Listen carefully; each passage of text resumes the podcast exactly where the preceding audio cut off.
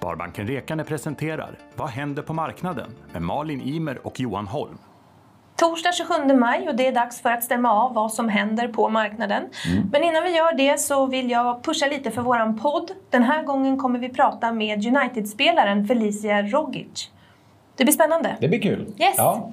Men först så ska vi uppdatera läget lite på mm. marknaden. Vi brukar ju alltid börja med att prata om vaccinationsläget och hur det kan påverka konjunkturen. Mm. Hur skulle du vilja kommentera det idag? Nej, men vi, vi var inne på det senast faktiskt och, och, då målade vi upp liksom en lite ljusare bild kan man väl säga. Då. Vaccinationerna har dragit igång rätt ordentligt eh, globalt och framförallt i, i västvärlden får man väl säga då.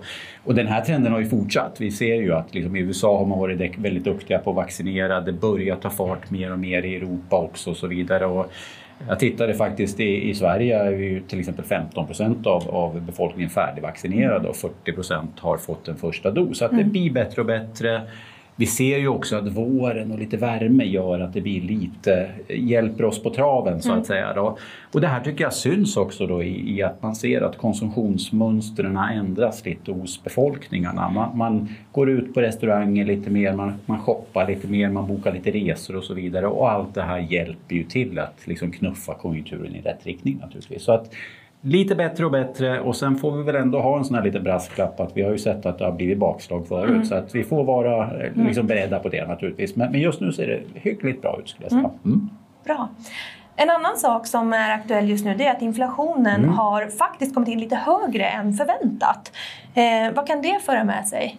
Nej, men det, det, hänger ju ihop med det vi pratade om nyss också naturligtvis. När konjunkturen blir bättre och bättre mm. då, då, då, så att säga, efterfrågan på varor och produkter och tjänster ökar. Mm, då går också priserna upp lite grann också. Så det hänger ju ihop det här. Mm. Eh, det man får vara lite vaksam på det är ju att inflationen får inte gå upp för mycket naturligtvis. Då. Eh, och det är väl det kanske tendensen vi har sett här under, under framförallt april egentligen. Mm. Varför eh, inte då? Om jag får sticka in med en fråga. Ja, bra fråga. ja. nej, nej, men egentligen kan man väl säga så här att Får man en för hög inflation då kommer det dra med sig också att vi får se ökade lönekrav och så vidare. Och det är lätt att den här spiralen blir lite okontrollerbar om man mm. kommer upp för höga nivåer.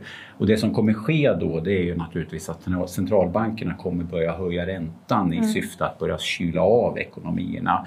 Och det här vill man liksom ha på en lagom nivå kan mm. man väl säga då. Mm. Eh, och vi, vi har ju en viss inflation är bra men den får inte gå upp för mycket kan man väl säga egentligen. Då. Det man ska komma ihåg också med inflationen det är ju att man mäter ju den oftast på 12 månaders basis bakåt och, och kommer vi ihåg hur det såg ut 12 månader bakåt nu så var det ju egentligen när pandemin var som värst. Mm, där man egentligen stängde ner samhällen, när mm. konsumtionen gick ner på rekordlåga nivåer.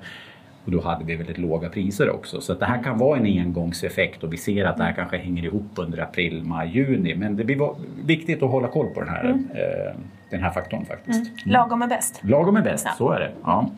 Sist vi stod här så var du försiktigt positiv till aktiemarknaden mm. generellt. Mm. Och, eh, nu har det gått ungefär en månad. Mm. Är du fortsatt positiv?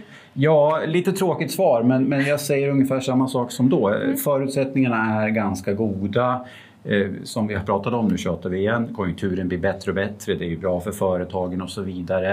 Eh, men jag tror också att man ska skruva ner förväntansbilden. Vi har haft en otroligt positiv börs under i princip drygt ett år här och det kan inte fortsätta i samma hastighet naturligtvis. Så att man ska skruva ner förväntansbilden eh, och man ska ju också komma ihåg då att när vi kommer in i en bättre konjunktur, vi pratade inflation nyss och så vidare, marknaden och stora investerare ligger ju lite före. Så det här goda vi kanske ser i konjunkturen och i samhället det är ju redan intecknat i börskursen mm. Eh, redan nu egentligen. Så att det, det, man liksom tittar på nu det är väl vad händer i nästa steg så att mm. säga egentligen. Då. Så att eh, det är på den nivån vi är. Men, men försiktigt positivt skulle jag säga. Mm.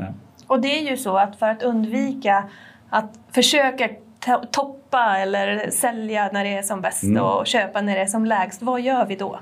Nej, men, men, men regelbundenhet skulle jag säga, det är väl det som gäller. Och vi brukar ju prata om när det gäller regelbundenhet månadssparande till mm. exempel. Det är ju jättebra taktik för att liksom inte chansa och komma helt fel i de här trenderna så att säga. Så att mm. månadssparande är ju jättebra. Mm. Och som av en händelse så är det det vi pratar eh, med Felicia om i podden. Ja. ja tack så mycket Johan. Tack Malin.